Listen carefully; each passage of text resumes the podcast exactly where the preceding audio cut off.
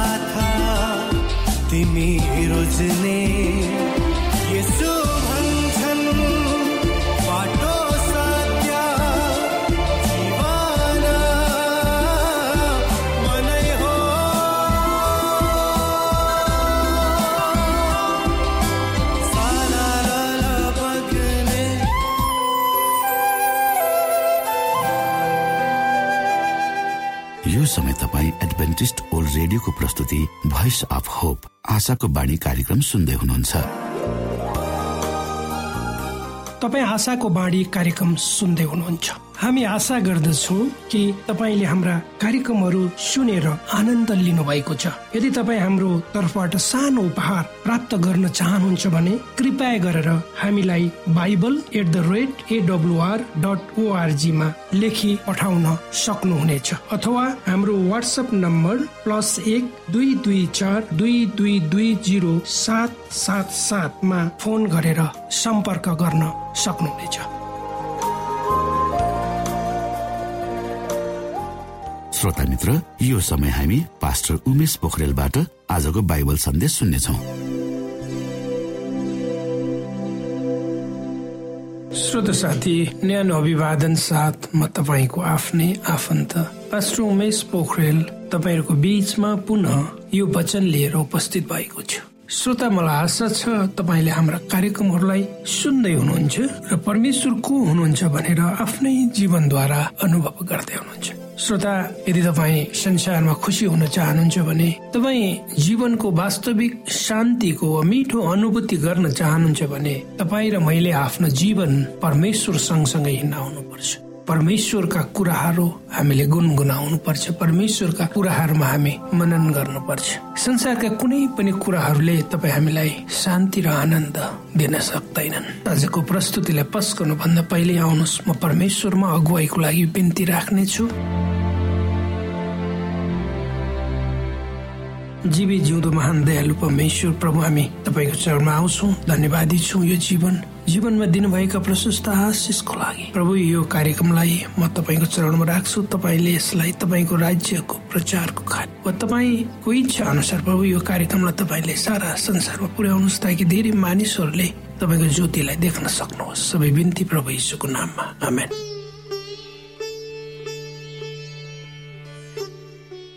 श्रोत साथी आज तपाईँको बीचमा ब्रह्माण्डमा भइरहेको सङ्घर्षकै विषयमा कुरा गर्दैछु।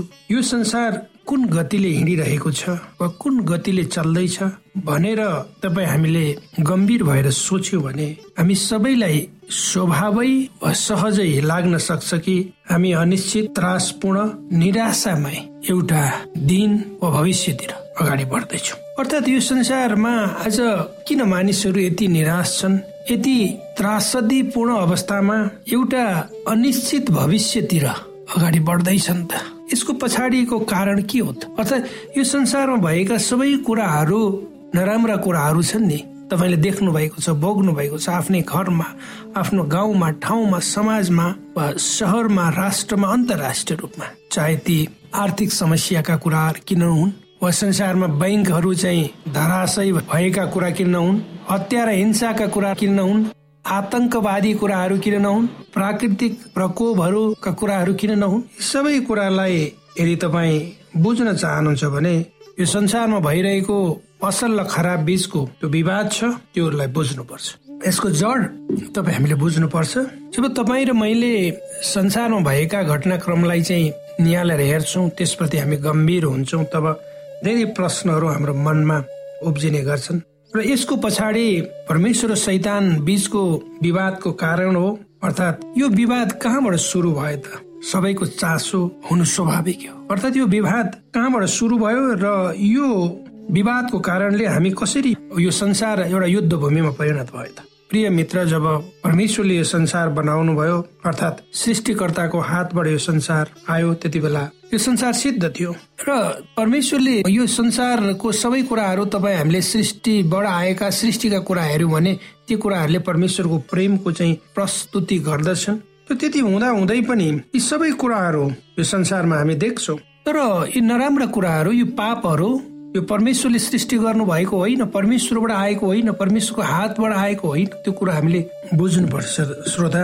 जसरी कुनै आमाले छोरो वा छोरी पाएपछि ती छोरा छोरी विद्रोही भएर निस्किए भने आमाले छोरा छोरी जन्माएको कारणले ती विद्रोही भएको भनेर भन्न मिल्दैन। अर्थात् आमालाई दोष दिनु उचित पनि हुँदैन। यो संसारमा भइरहेको कल र विवाद चाहिँ यो वास्तविक चलिरहेको छ। र यो वास्तविक पनि छ कि हामी जोसुकै यो संसारमा जन्मन्छौ त्यस कलहमा कुनै न कुनै रूपमा सहभागी भइरहेका हुन्छौँ। वा जानेर वा अनजानेर। परमेश्वरले कुनै दाग नभएको कुनै दोष नभएको शुद्ध बालक जस्तै निर्मल हृदय भएको लुसिफर सृष्टि गर्नु भएको थियो। तर पछि गएर उसमा के पारा चढ्यो वा के अस्वाभाविक कुरा उसले आफ्नो मनमा उब्जायो जसले गर्दा उसको पतन भयो र यस जगतमा पाप उत्पन्न भयो। हामीले पवित्र धर्मशास्त्र बाइबलको इजिकेल अठार अध्यायमा हेऱ्यौँ भने लुसिफरको विषयमा वर्णन गरिएको छ। अर्थात् लुसिफरलाई एक सभ्यताले भरिपूर्ण भएको देश र टुरोस र सिडोनको अथवा आधुनिक लेबनानसँग टुरोसको राजासँग तुलना गरिएको छ र यसरी लेखिएको छ परमप्रभुको यो वचन मकामा आयो हे मानिसको छोरा टुरोसको शासकलाई भन् परमप्रभु परमेश्वर यसो भन्नुहुन्छ। तेरो हृदयको घमण्डमा त भन्छस् म एउटा देवता हुँ म समुद्रको बीचमा एउटा देवताको सिंहासनमा बस्दछु त त एउटा मानिस मात्र होस् देवता होइनस्। यद्यपि तैले आफैलाई एक देवता जत्तिकै बुद्धिमानी सम्झछस् के त दानियल भन्दा पनि बुद्धिमान छस्? के तबाट कुनै गुप्त कुराहरू लुकिएको छैन र? तेरो बुद्धि र समशक्तिले तैले आफ्नो निम्ति धेरै धन सम्पत्ति प्राप्त गरेको छस्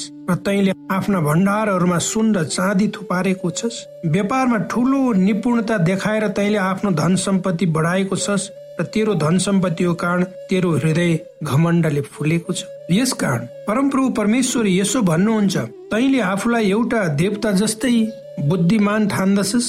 यसकारण जाति जातिहरूमा सबैभन्दा क्रूर विदेशीहरूलाई म तकामा ल्याउने छु तिनीहरूले आफ्ना तरवार तेरो सौन्दर्य र बुद्धिको विरुद्धमा थुन्नेछन् र तेरो चमत्कारपूर्ण गौरवलाई वार पार छेड्नेछन्। तिनीहरूले तँलाई मृत लोकमा पुर्याउनेछन् र हिंसक बेगसित त समुद्रमा मर्नेछस् तब तँलाई मार्नेहरूका सामुन्ने के त अझै पनि म देवता हुँ भन्नेछस् र तँलाई मार्नेहरूको हातमा त मानिस मात्र हुनेछस् एक देवता होइन।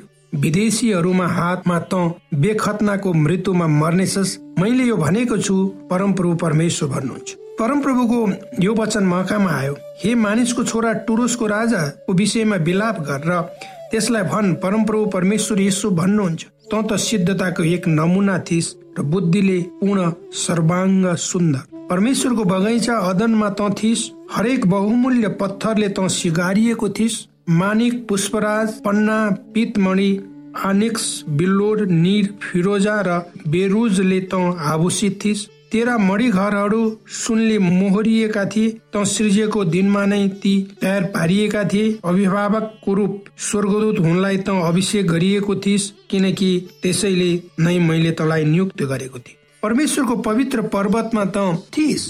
यो कुरा हामीले पढ्यौँ भने यहाँ हामी देख्छौँ यो लुसिफर कस्तो थियो र कसरी उसको पतनको सुरुवात भयो। लुसिफर स्वर्गमा बस्ने एक कलङ्क रहित जीव थियो। उसमा कुनै खराब तत्व वा भावना वा निर सुरुमा थिएन।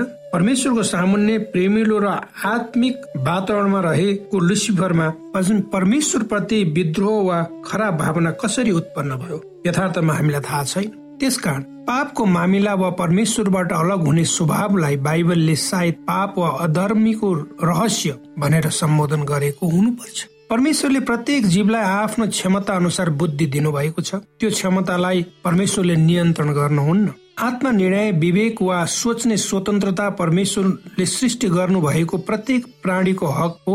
त्यो भन्दा बाहेक लुसिफरको दिमागमा परमेश्वरबाट पतित हुनुपर्ने अवस्थाको कुनै कारण वा तर्क हामी देख्दैनौँ। पाप किन र कसरी उत्पन्न भयो भनेर व्याख्या गर्न असम्भव छ। पाप अतिक्रमित वा जबरजस्ती भित्ताइएको तत्व हो। लुसिफरको दिमागमा होस् वा यस संसारमा होस् पाप घुसपट भएको हो। यसको उपस्थिति वा अस्तित्वको कुनै कारण छैन। यो रहस्यमय छ। यसको लेखाजोखा दिन आवश्यक छैन। कुनै बहाना बनाएर पापलाई पोसाएर राख्नु भनेको पापको पक्षमा बोल्नु हो।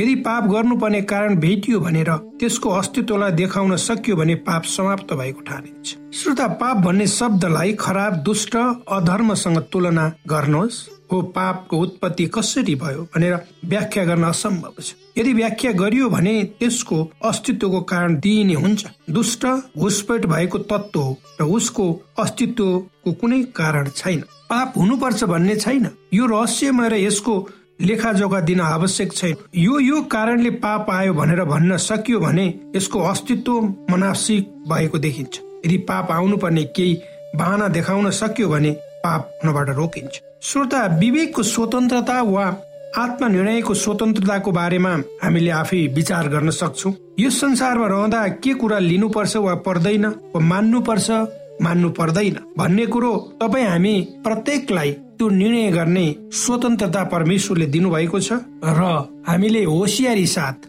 कुन कुरो पालन गर्नुपर्ने हो होइन त्यो कुरो हामीले निर्णय गर्नुपर्छ।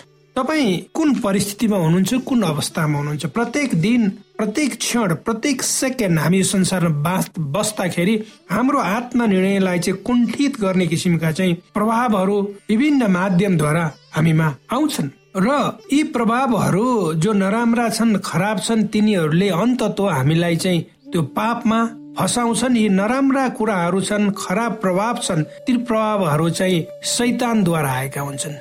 ती हुन सक्छन् ती देख्दा मिठो आकर्षक राम्रो सुन्दर देखिएला लोभ लाग्दो देखिएला तर हामीले कुनै पनि होस गरेर निर्णय गर्नुपर्छ। कुनै कुरा कुन कुरो लिने नलिने कुन कुरो स्वीकार गर्ने नसक्ने। र हाम्रो निर्णयले हाम्रो आफ्नो भविष्यलाई निश्चित गर्दछ। परमेश्वरले तपाईँ र मलाई आशिष दिनुहोस्।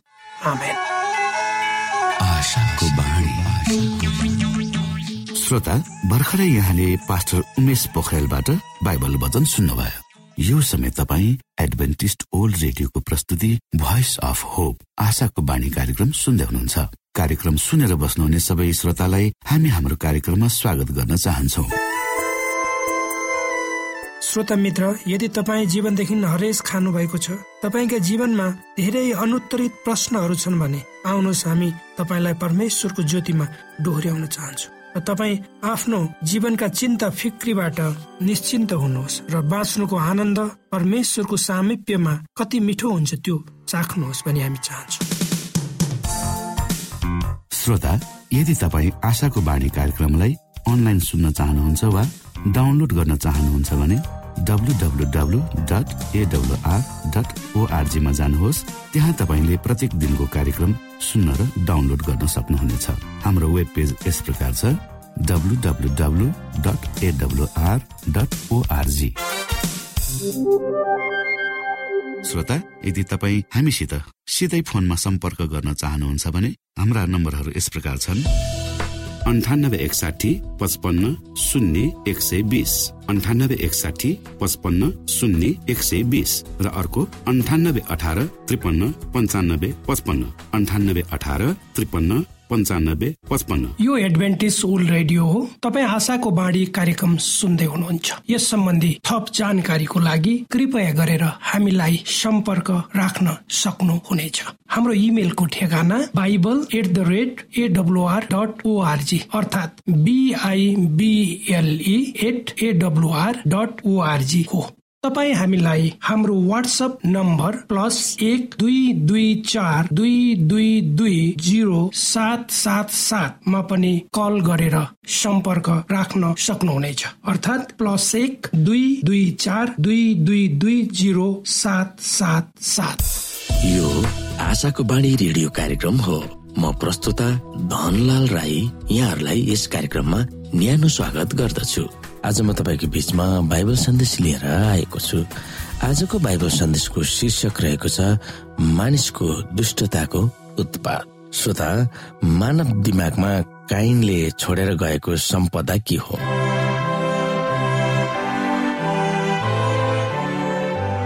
काइनले सुरु गरेको अपराधिक प्रवृत्तिले मानव इतिहासमा हुन भर्न गएको दुष्टताको सभ्यताको निम्ति ढोका कसरी खोलियो र मानव स्वभावमा भयावह मनोवृत्ति कसरी बढियो?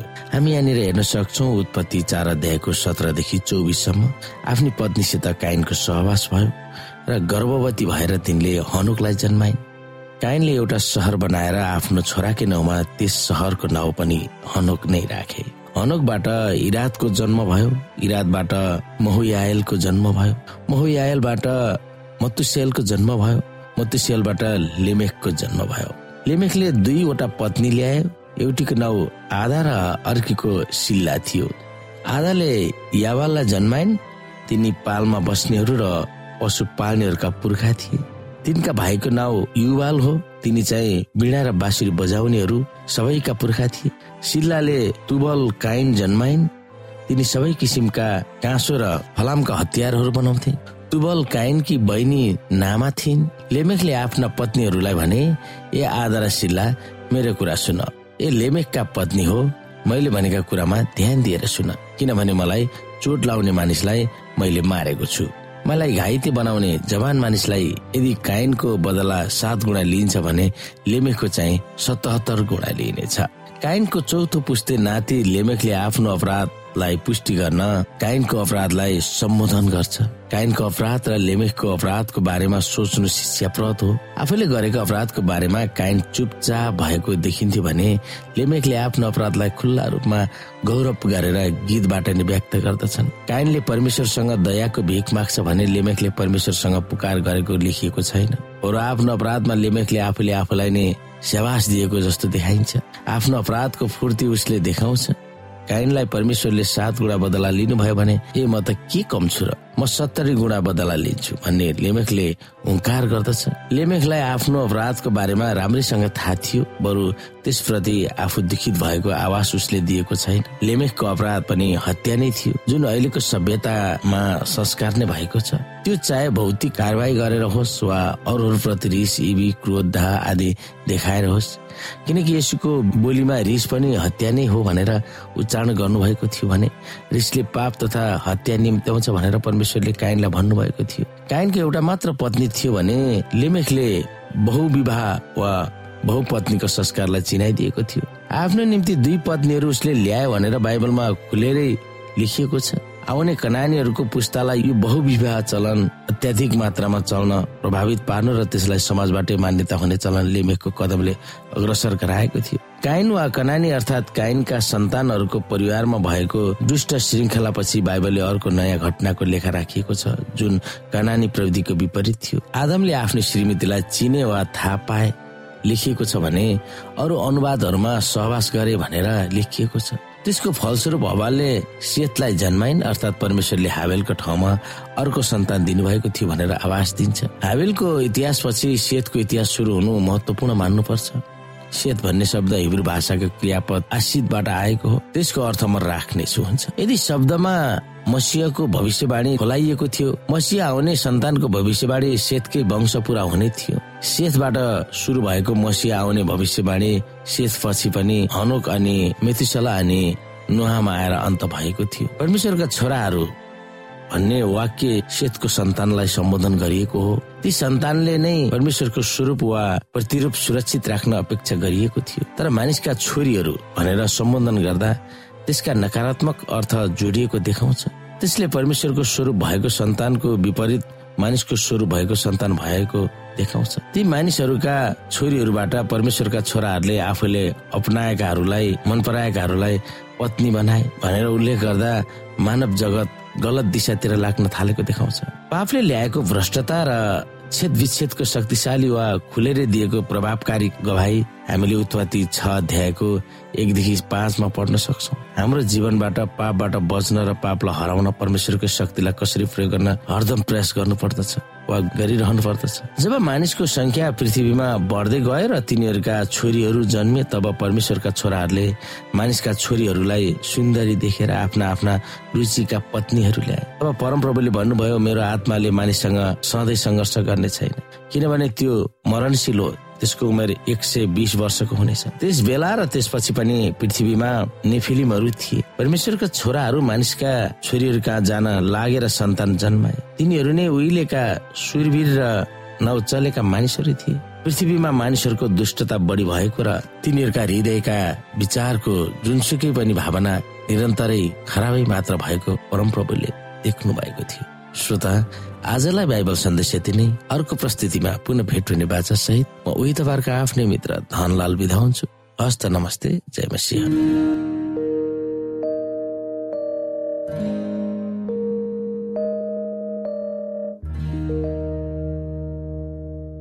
श्रोता हामीसँग पत्राचार गर्ने हाम्रो ठेगाना यस प्रकार छ। आशाको बाणी पोस्ट बक्स नम्बर दुई शून्य शून्य शून्य दुई काठमाडौँ नेपाल। श्रोता यदि तपाईँ हाम्रो स्टुडियोको नम्बरमा सम्पर्क गर्न चाहनुहुन्छ भने हाम्रा नम्बरहरू यस प्रकार छन्। अन्ठानब्बे एकसाठी पचपन्न शून्य एक सय बिस। अन्ठानब्बे एकसाठी पचपन्न शून्य एक सय बिस। र अर्को अन्ठानब्बे अठार त्रिपन्न पन्चानब्बे पचपन्न।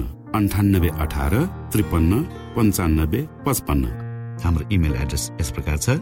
Nepal at AWR dot ORG यदि तपाईँ हामीलाई अनलाइन सुन्न चाहनुहुन्छ वा डाउनलोड गर्न चाहनुहुन्छ भने तपाईँ W W W dot AWR dot ओआरजीमा जानुहोस् र त्यहाँ तपाईँले हाम्रो सबै कार्यक्रमहरू सुन्न सक्नुहुनेछ। हवस् त श्रोता भोलि फेरि यही स्टेशन र यही समयमा यहाँसँग भेट्ने आशा राख्दै प्राविधिक साथी राजेश आडा पास्टर उमेश पोखरेल र कार्यक्रम प्रस्तुता म रवि यहाँसँग विदा माग्दछौ। नमस्कार।